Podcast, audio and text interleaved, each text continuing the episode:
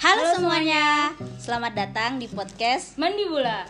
Tai hari ini tuh sejuk banget ya. Sejuk bagaimana? Sejuk, sejuk, adem gitu di hati. Kita tuh kedatangan kakak-kakak yang luar biasa gitu. Kakak-kakak siapa nih kalau boleh tahu? Itu ada Kak Dokter Gigi Amiruddin dan Dokter Gigi Hendra Purnomo. Selamat siang kak. Siang. Nah, em, berhubung nih ada Dokter Gigi Amiruddin SKG. Beliau, beliau, dokter ini, dokter Amir ini adalah lulusan terbaik di yudisium yang kemarin yang baru diadakan nih dia. Terus kemudian untuk riwayat organisasinya kakak kak dokter Gigi Amir ini adalah eh, demisioner DPM 1718 dan 1819 dan DMP tahun 2020 ya kak. Oh, organisasi. Organisasi mantap, akademik mantap, alhamdulillah. Calon suami yang luar biasa, teman-teman. Terus ndak kalau menariknya lagi ada Dr. Hendra Purnomo SKG. Beliau beliau Dokter gak usah tegang. Dokter Hendra ini adalah lulusan hukum tertinggi ya kak yang kemarin yang diadakan terus kemudian kakak juga sama lulusan terbaik dan demisioner DMP 17 18 17 18 18 19 Dimisi dengan DPM. DPM DMP Digoreng sendiri, 2020 guys. terus kakak juga eh, kemarin eh, P- PSMKGI di Iya. Jadi kakak dokter ini, dua orang ini tuh organisatoris banget ya, aku boleh bilang. Panas ya Tegang, tegang. sangat berbeda suasananya ya ini Dibanding podcast-podcast kemarin. iya kemarin tuh mungkin kita masih mungkin teman angkatan ya. Mm, Kalau ini jadi senior di atas Senior. 2 tahun loh. kebetulan kemarin waktu kita maba kakak ini yang D- DPM kita ini Perwakilan ya, menampung aspirasi kita-kita. Kayaknya Lanjut sangat- dulu. sangat Pertanyaan dari aku ya, Kak. Mulai dari Hendra yang. Dua-duanya langsung kak ini Oke. kan kakak sama kak Hendra eh, boleh dibilang sohib sejati nih dari awal sampai jadi dokter gigi ya. Nah boleh tahu nggak sih kak awal mula kak Hendra maupun kak Amir ini bertemu sampai jadi sohib ya kok bisa gitu dari maba bagaimana perjalanan ceritanya Mau denger cerita siapa? Saya dulu dulu. Eh, dari Kak Hendra dulu deh Dari mana? Padang Lampe. Oh, kalau ketemu sama Amir, taunya dia itu di Padang Lampe. Nah, waktu di Padang Lampe itu eh, kan kalian pernah juga dikumpulkan itu. Nah, dikumpulkan itu perempuan, perempuan, laki-laki, laki-laki. Nah, kita semua sederet. Terus ada yang tanya, kamu dari mana? Kamu dari mana? Kamu dari mana? Tinggal di mana? Saya kan tinggalnya di Antang. Terus pas dia, dia bilang juga tinggal di Antang. Terus perumahannya sama. Jadi gue bilang. Sudahnya itu di situ kenalan nih. Di mana kau tinggal bro? Hmm. Tanya di mana kau tinggal bro? Di sini. Oh iya sama aja pale. Nah, sudah dari berawal dari situ itu pertemuan pertama aku sama Amir. kalau Kak Amir bagaimana Kak Ya sama. Dimulai dari Padang Lampe, terus saya tanya Intan di mana tinggal, bilang Saya bilang Janteng di mana di Pesona. Bilang sama saya juga tinggal di Pesona.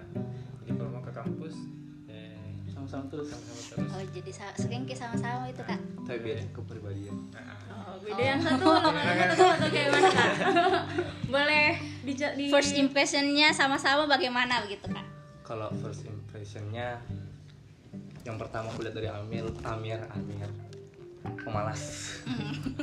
Kalau mau dilihat dari awal kan, kan di awal juga saya kena pengkaderan juga berdua. Dia itu jarang sekali masuk, tidak mau sekali mau, mau sekali ikuti pengkaderan. Sedangkan saya, sedangkan saya penurut. ternyata sosok kami ini juga Kalau orang malas-malas juga ya. Nah, kalau saya lebih kan lanjut ternyata ikut-ikut. Pokoknya ikut alur saja. Kan kakakku juga organisatoris jadi katanya bilang ikuti saja alurnya. Bakalan lewat gini. Nah, makanya saya ikut-ikut terus. Sedangkan dia ya gitu.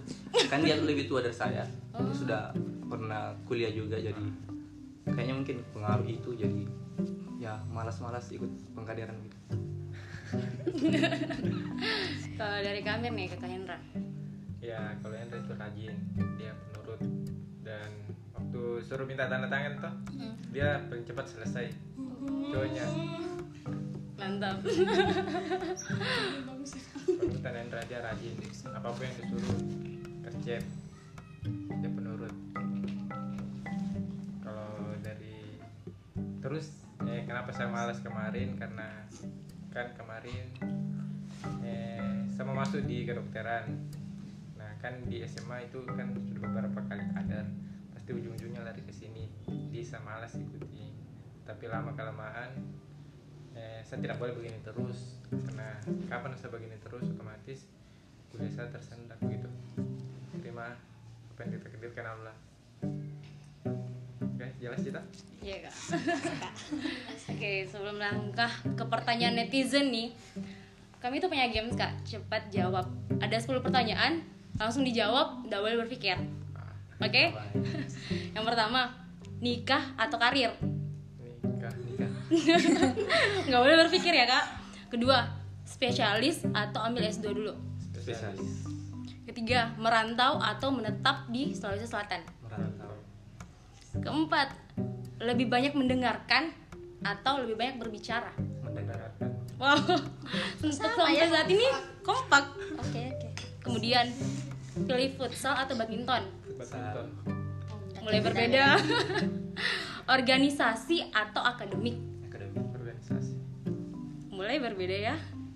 Cantik atau manis. manis cantik Individualis atau orangnya suka berdiskusi sama orang. individualis diskusi Ta'aruf atau pacaran? taruh Dijodohkan atau cari jodoh? cari jodoh Oke, jadi untuk para fansnya Kak Hendra maupun Kak Amir udah terjawab ya mengenai tipe idamannya. Ya, itu adalah eh, pertanyaan-pertanyaan yang cukup menarik nanti ya dibahas ya. Tapi sebelumnya nih kak, ternyata kemarin itu kami sempat buat eh, Q&A dan buka di secara umum di Mandibula, IG-nya Mandibula. Banyak sekali ternyata yang ingin bertanya dan kepo terhadap kakak berdua gitu kan. Ada pertanyaan pertama nih kak, bagaimana rasanya kak menjadi salah satu dokter gigi pembuka di angkatan? mulai dari siapa Mulai dari kak Anya. Terserah. ya kalau dari saya saya individual biasa saja kalau saya. Karena kan niat saya pertama mau sama-sama ujian di klaster saya.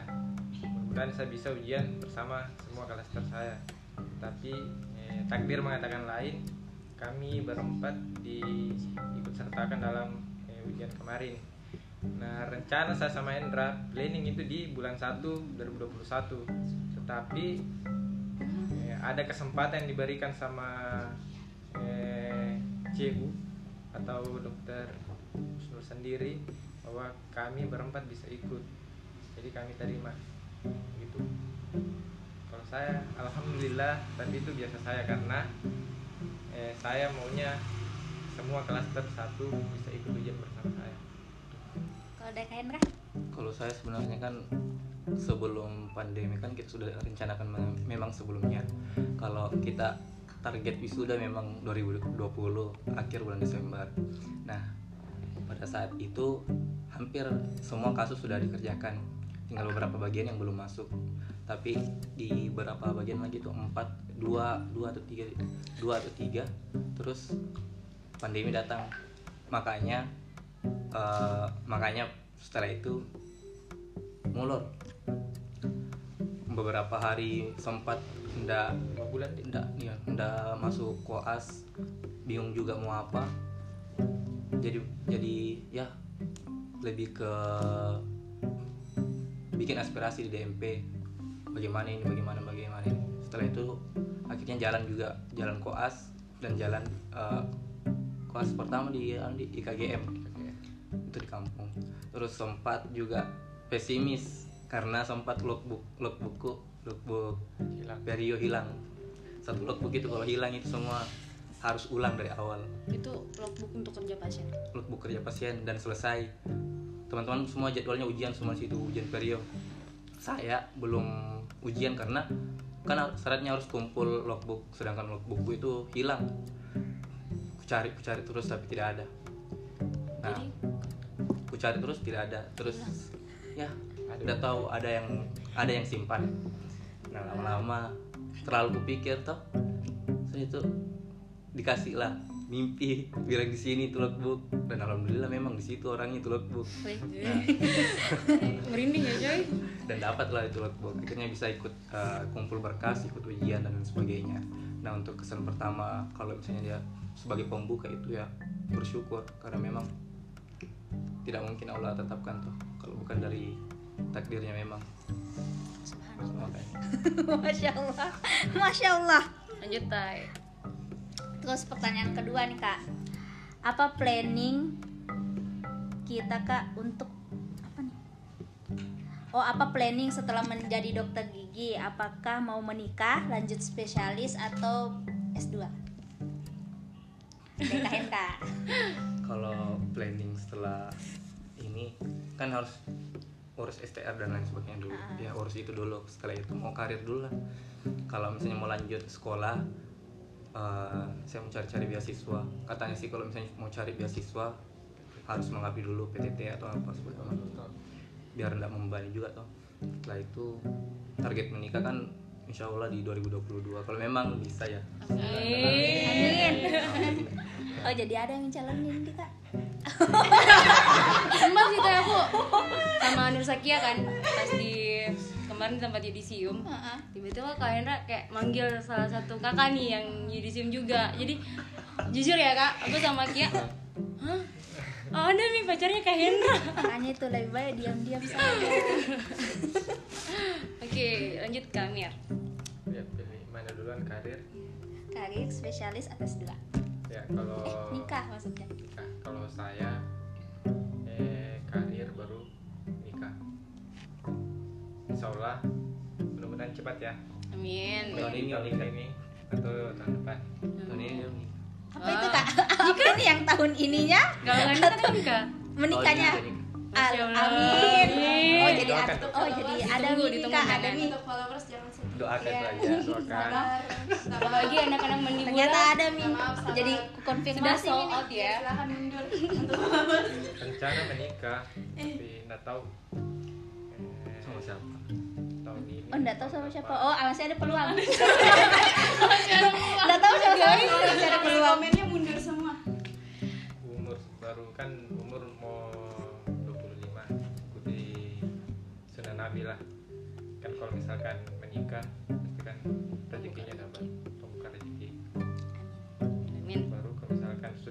menikah baru dapat beasiswa lanjut sekolah. Jangan berhenti di cuma dokter gigi lanjut lagi spesialis. Ngomong-ngomong nih Teh sebelum itu. Kan kita bicara tentang spesialis kan?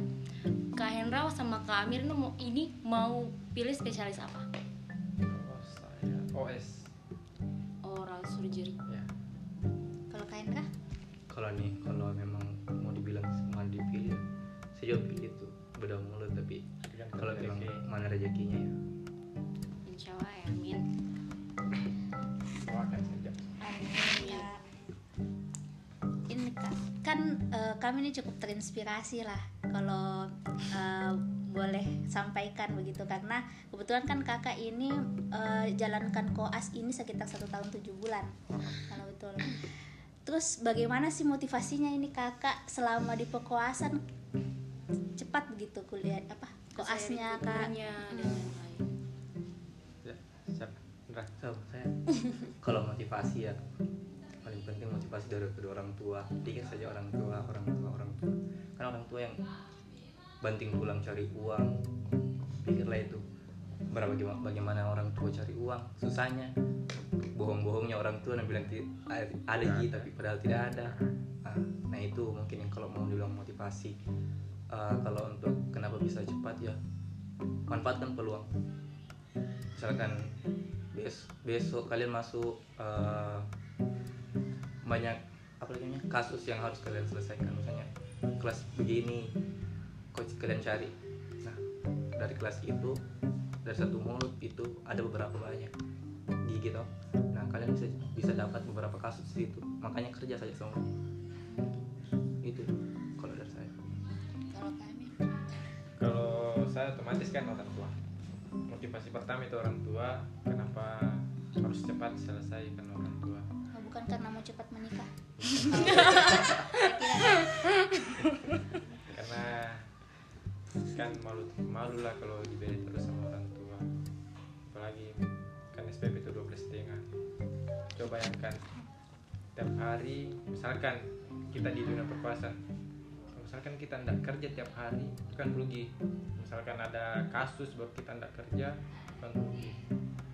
Eh, minimalkan lah biarpun kita kerja satu kasus tetapi itu tiap hari itu kan lumayan. Daripada tidak kerja sama sekali. Gitu. Untuk semuanya ya harus kerja tiap hari. Kalau tidak kerja berarti rugi. Apalagi kan di masa pandemi ini kan kesempatan sekali untuk selesaikan bagian apalagi yang sudah kerja beberapa kasus tetapi kalau misalkan belum kerja beberapa kasus terus mau cepat selesai eh, koas jangan dulu lah. Karena buat apa cepat selesai kasus baru tidak ada soft skill dari situ.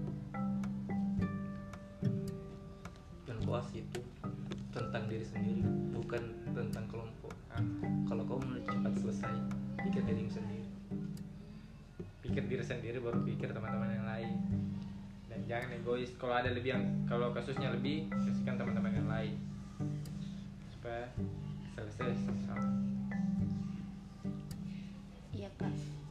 Kalau ini kak kan kita kami maksudnya sekarang kalau misalnya untuk kakak-kakak koas ini lagi masa-masa pandemi kebanyakan kakak itu kayak kehilangan motivasi kak. Kayak go go down begitu kak masa pandemi.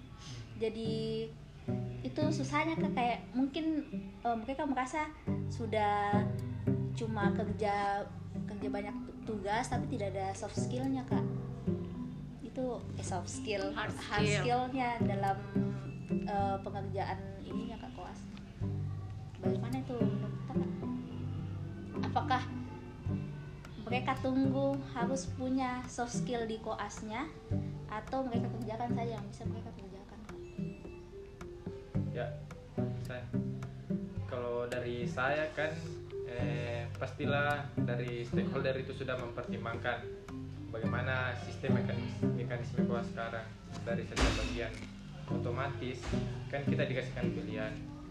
Kan sudah eh, diatur sedemikian rupa sama ketua bagian atau kepala bagian pasti kalau misalkan ada sistem daring yang harus dikerjakan kerjakan semaksimal mungkin. Karena ketua bagian juga atau kepala bagian juga tidak akan membiarkan kita keluar eh, tanpa menyentuh pasien yang bisa dikerjakan lewat daring kerjakan semaksimal mungkin. Dan yang tidak bisa dikerjakan lewat daring eh, kita berusaha mencari bagaimana solusi dari eh, supaya kita bisa kerja nah solusinya itu adalah eh, kita eh, lakukan kajian-kajian bagaimana rumah sakit bisa membukakan wadah untuk kita kerja di masa pandemi ini. Kalau saya begitu. Kalau kak Kalau dari saya hampir sama sebenarnya. Karena kalau misalnya yang seperti yang tadi bilang godong motivasinya ya kalau lagi-lagi kembali ke orang tua masa kalian mau diam-diam? Orang tua capek-capek cari uang. Satu semester tidak ada kalian kerja. Yang mending kalau memang mau begitu godon atau sebagai bagaimana kan mending cuti kalau saya. Tapi kok cuti pun itu merugikan. Karena sebenarnya karena kalau misalnya kita cuti tetap membayar. Membayarnya itu setengah. Tetap membayar. cuti sekarang tidak karena nah perlu diketahui. Kalau cuti sekarang itu eh, tidak perlu membayar karena ada kebijakan dari Menteri Pendidikan itu sendiri. Kalau misalkan yang terdampak keluarganya COVID atau eh, misalkan finansialnya itu bisa cuti tanpa membayar setengah. Kalau saya bagus juga solusi. Ah, itu juga bagus. Bagus bagus sih sebenarnya. Cuma sampai kapan tuh kita mau cuti begitu? Mending kalau misalnya ada kesempatan ya lakukan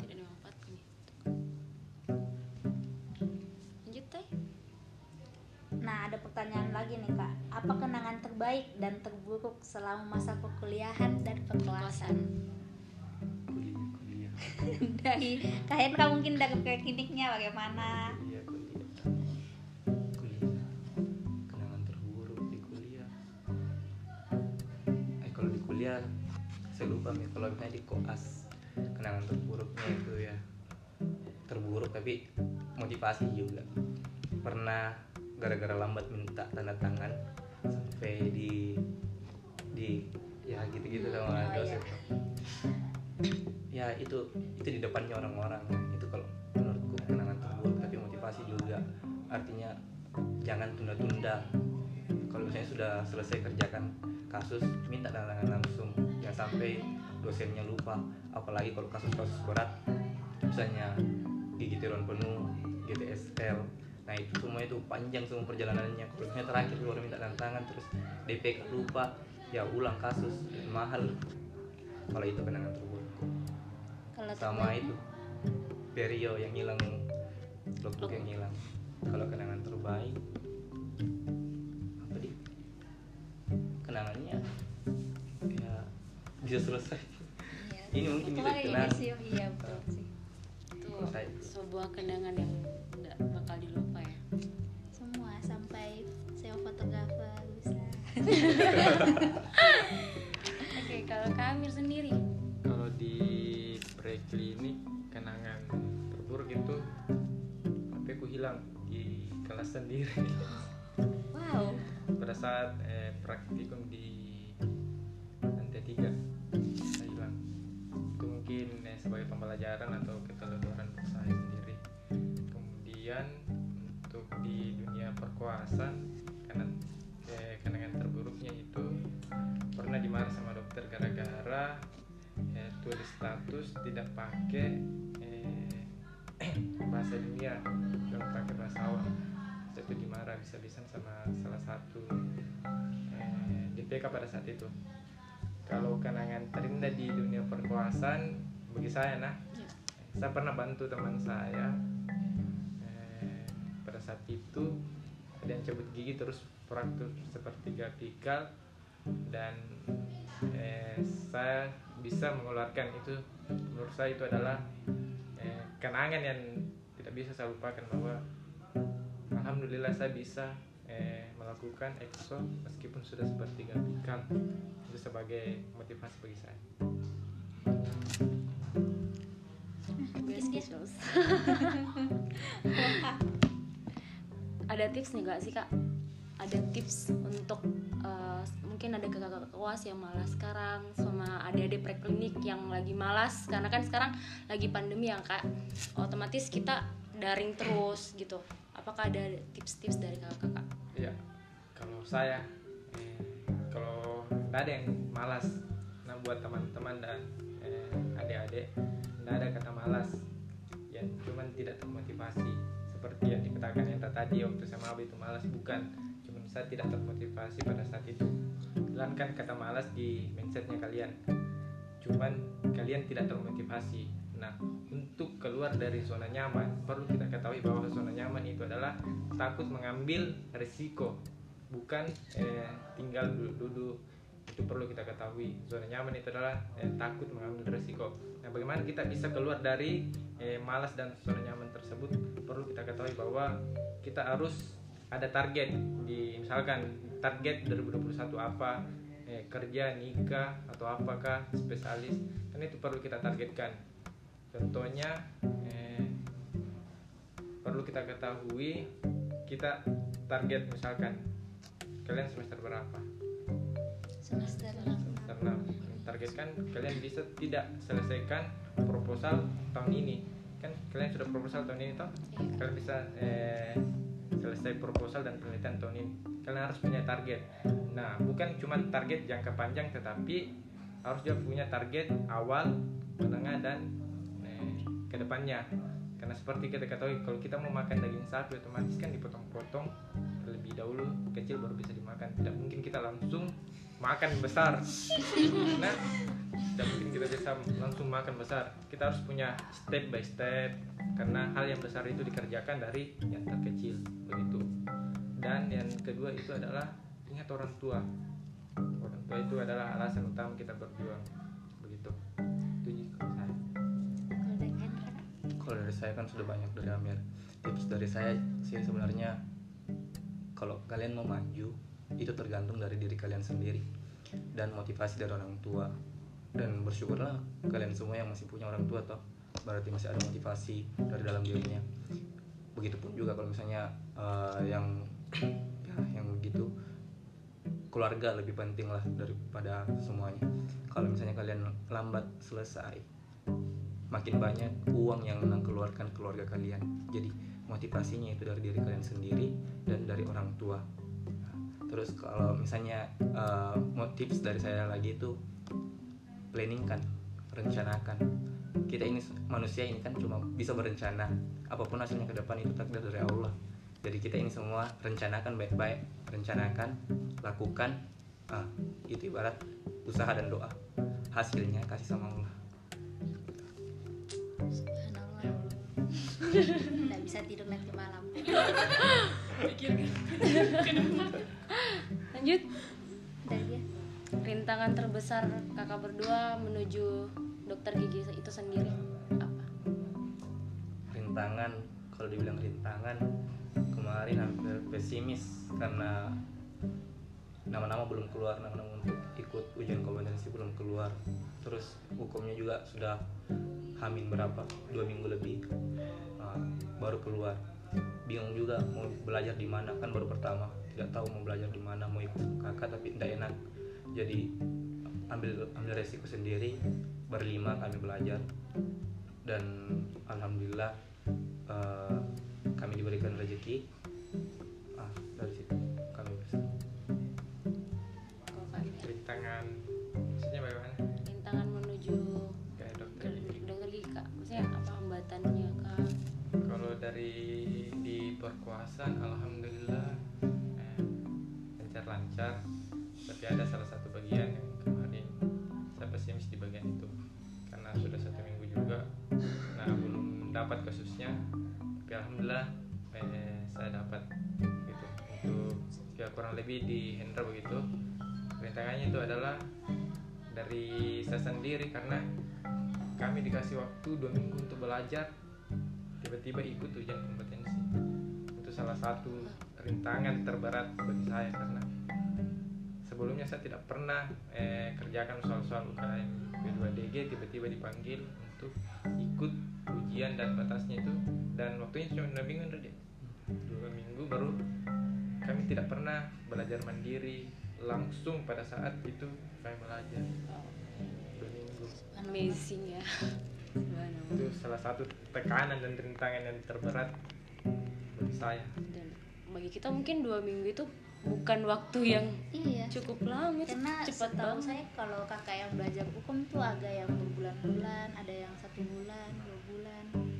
Dan untuk belajar hukum dua minggu itu luar Wow. biasa sekali ya kak. alhamdulillah rezeki kembali lagi yang tadi kak Raya bilang sebelum kita bahas yang lain-lain nih kak ada salah satu netizen bertanya bagaimana sih tentang percintaan kakak selama di FKG boleh sedikit diceritakan mana atau kliniknya ada yang diodok-odok kak atau apa kak? atau kakak berdua naksir sama senior kak atau maba adiknya? Iya kak atau tidak. Ditolak cintanya kak? banyak yang kepo nih kak. Bertanya gitu loh. Dari yang dan paling khususnya juga teman-teman saya di sini kak. Mereka penasaran.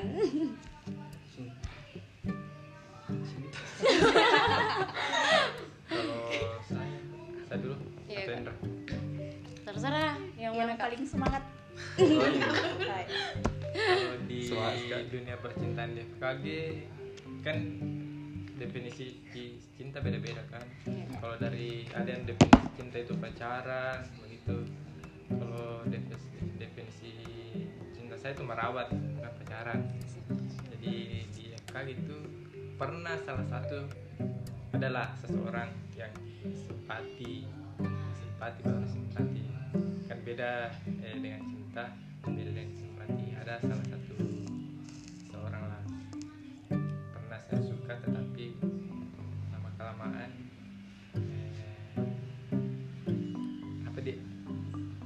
lama kelamaan eh, saya tahu bahwa dia juga suka sama orang jadi saya aduh. aduh. Sakit lebih baik mengalah daripada sakit hati. Iya. Ya Allah. Begitu cuman itu. Kalau jadi kayak jadi ada yang penggantinya kak itu? Apa? Doakan saja. Oh iya. Dong. Kak. kalau Kak Hendra sendiri Kalau percintaan, jujur kalau misalnya saya, kalau mau dibilang percintaan di selama kuliah itu belum pi, belum peka pernah seserius serius dalam hal percintaan. Karena sebelumnya kan pernah dikecewakan jadi ya. Serius setelah Pantasan menutup hati dengan Ah. lama di jadi kakak-kakak ini tuh. tapi setelah ketemu sama adalah yang ini cocok iki ya cocok ya cocok kita lihat kemarin. Nah itu juga pengalamanku. jadi kakak-kakak dua ini pernah dikecewakan sebelumnya. Tapi apa udah? Bersinar atau yang lagi nih? Karena bahas tentang percintaan di ciri wanita soleha menurutnya Kak Amir sama Kak Hendra. Nah kita tahu mau taaruf di Kak? Lah. Kan tadi mau taruh ya kan tay oh enggak ya ciri wanita soleha menurut Kak Hendra yang dicari pria sebagai pendamping hidup. Apa? Kalau kriteria pendamping yang soleha ya yang penting itu rajin ibadah sebenarnya. Sayang keluarga. Itu penting Oh, itu. jangan kalau Kak Hendra ada kami kami sama dengan Netra yang pertama itu kan eh, tahu agama kenal agama ibadahnya bagus terus akhlaknya yang kan kita otomatis kan kalau kita mau mencari jodoh kan kita harus menyatukan dua kepribadian yang berbeda nah di situ harus kita belajar betul untuk menyatukan hal tersebut kalau ingin menikah otomatis belajar dulu eh, tentang pernikahan baru ke menyatukan keperbedaan tersebut.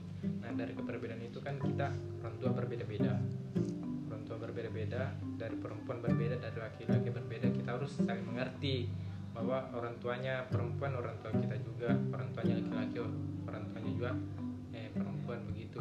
Jangan sampai dia hanya mencintai kita, terus dia tidak mencintai orang tua. Itu kan di posisi itu berat bagi laki-laki jadi mencari eh, istri yang mencintai eh, saya sendiri dan mencintai orang tua saya sendiri gitu. dicatat ya teman-teman Anjir. ini kan ini kakak Soyub nih kan udah la- lama dari maba sampai sekarang. Tipsnya nih kak untuk persahabatan yang langgeng. Gimana? Enggak ya Jauh bicara. ya saya saya sama saya sama Hendra jujur saya sama Hendra itu jarang berbicara. Di mobil itu biasa satu kata dua kata. Memang kalau kami di mobil tuh ke kampus saja. Biasa sampai di kampus baru bicara. Dari Antang sampai kampus baru. terus Diam-diam. kalau udah diam tidur itu Ji. tipsnya itu ya saling jaga perasaan memahami Gitu. kalau ada yang keliru dari Hendra ingatkan ini keliru begitu tapi ini ya sangat menarik karena eh, kakak berdua ini DPM sama-sama terus DMP juga sama begitu kak itu memang sengaja atau sudah teknikan ya keinginan nanti? juga keinginan masing-masing atau atau gimana bagaimana dari siapa terserah kak yang mana mau Ya, jawab kalau saya sama Hendra satu paket begitu. Kalau misalkan Hendra masuk eh, DPM, eh, saya masuk DPM. Kalau misalkan saya masuk DMP, eh, dia juga masuk DMP. Kalau misalkan salah satu saya tidak masuki atau Hendra tidak masuki, saya tidak masuk begitu. Tetapi pernah kemarin kecolongan di PSM KGI. Dia sebenarnya PSM kayak gini. iya kak eh, sudah kayaknya pernah tahu ceritanya itu kak Gitu. menurutnya kakak seberapa penting sih per circle pertemanan di perkuliahan khususnya di FKG Penting sekali menurut gue. Kalau kita, kalau saya sendiri, gue sebagai laki-laki kan tau lah laki-laki bagaimana malas kerja tugas yang kayak begitu tapi karena ada teman-teman yang motivasi terus ada teman-teman yang bantu. Ya makanya saya bilang kalau misalnya teman itu penting. Tidak ada teman kalau misalnya kita sendiri. Pernah saya coba sendiri mau sendiri kerja tugas tapi memang tidak bisa. Di awal-awal saya ingin mau kerja tugas logbook pun kalau misalnya saya mau kerja sendiri tidak tidak selesai selesai kalau tidak ada teman. Jujur. Banget. Kalau Kak Amir sendiri ya kalau circle eh, pertemanan di FKG itu ya. Kita harus kembangkan lah. Jangan kita berjalan sendiri karena betul yang dikatakan Endra laki-laki itu kan kebanyakan menyontek. Tidak mau logbook. Dia menyontek logbook. Nah di situ adalah salah satu tanpa teman-teman saya tidak perlu saya sebutkan namanya ada salah satu teman saya yang selalu mengingatkan saya tentang tugas saya berterima kasih sekali buat teman saya. Mungkin dia tahu sendiri dirinya dan saya berterima kasih. Eh, kalau untuk pertemanan di FKG jaga silaturahim karena eh, kalau kita berjalan sendiri itu eh, tidak bisa. Kita harus membutuhkan orang lain berada di sekitar kita. Kalau dari kakak berdua lebih pilih pertemanan yang sedikit atau pertemanan yang banyak? banyak banyak. ya Banyak support system. Sama jika menurut tak lebih pilih ki eh, belajar lebih sedikit lah kayak sikelnya tuh ada empat atau lima atau rame-rame belajarnya Kak? dari saya jujur nah kalau dari individu sendiri lebih suka ke belajar sendiri saya sendiri tapi kalau uh, belajar berkelompok juga sebenarnya tidak masalah Ji. Cuma harus tahu diri bagaimana potensi tak bagaimana bagaimana kita cepat pahami. Karena kalau jujur mengenai pembelajaran kemarin pas hukum itu uh, kalau dibilang yang paling cepat tidur saya tapi yang paling cepat bangun dan belajar mungkin saya juga. Makanya itu uh, tahu diri sendiri. Bagaimana maunya diri bagaimana caranya bisa tangkap pelajaran. Nah itu paling penting kalau Kak Hendra nih tipe-tipe belajar di sepertiga malam. Bangun, eh, sebelum belajar sholat tahajud dulu gitu kan? Yang cepat dapat pembelajarannya itu pada saat subuh gitu. ya seperti itu. Kalau Kak Amir, kalau saya tergantung dari keadaan. Eh, saya suka mendengarkan orang. Kalau misalkan saya dengar orang saya cepat tangkap. Tetapi kalau misalkan keadaan sudah kepepet begitu saya harus butuh waktu di ruangan tersendiri untuk belajar sendiri tetapi kalau masih jauh saya harus eh, berdiskusi sama teman-teman yang lebih paham di materi itu karena saya lebih suka mendengarkan tapi tergantung lagi keadaannya bagaimana tipe auditori kali ya. Suka mendengarkan diskusi begitu. Kak, terakhir ini ya. terakhir Oh, terakhir. terakhir Budi pertanyaan terakhir nggak dirasa ya ada 16 pertanyaan dari dia. kamu aja ditanya Oh iya. Oh, pesan serta motivasi Kak untuk khususnya Pandibula. dan para pendengar podcast mandi bulan Indra? Nah, kalau misalnya pesan dan motivasi buat adik-adik mandibula nah untuk adik-adik adik-adik mandibula kalian kan sudah semester berapa tadi? Enam. semester. 6 tidak lama lagi mau masuk koas. Motivasinya itu pokoknya selalu ingat orang tua.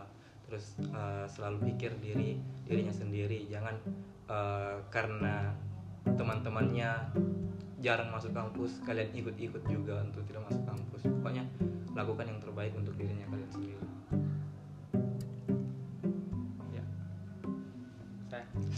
ya untuk adik-adik mandibula seperti yang saya ketahui kan saya suka organisasi.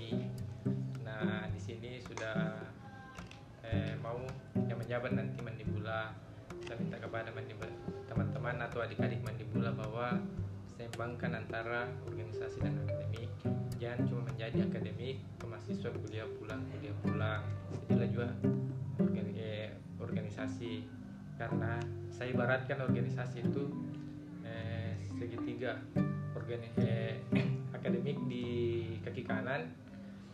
Eh, sebelah kiri itu organisasi kepalanya itu adalah ilmu agama. Kalau kalian eh, jalan tanpa organisasi itu pincang. Begitupun juga dengan organisasi kalian jalan tanpa di akademik itu pincang. Tetapi kalau kalian bisa jalan dengan tiga-tiganya ini segitiga maka kalian luar biasa. Begitu.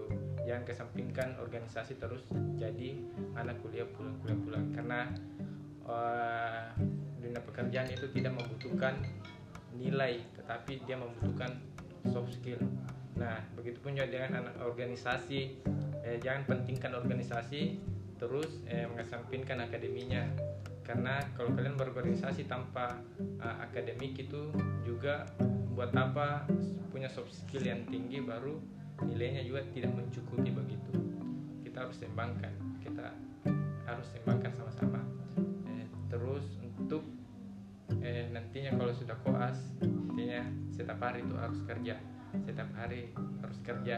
Minimal. dan nah minimal satu. Dan yang eh, berada pada zona nyaman yang di dunia percintaan yang selalu keluar sama pacarnya Eh, dengar berhenti guys. Mesti untuk keluar. Ingat. gitu teman-teman. Ingat. Ingat pacar tak itu bukan pemilik perusahaan yang dapat kita nanti untuk kita kerja bagaimana. Nak bukan pemilik perusahaan bukan HRD untuk menerima kita nanti untuk bekerja. Gitu. Buat adik-adik. Ingat teman-teman mandibula ingat kita yang suka pacaran. Oh ya terakhir nih kak. Terakhir sekali kan tadi kakak. Nyinggung tentang organisasi. Ada tips dan trik membagi agar organisasi dan akademik ini seimbang kan dilihat dari kakak juga organisatoris banget.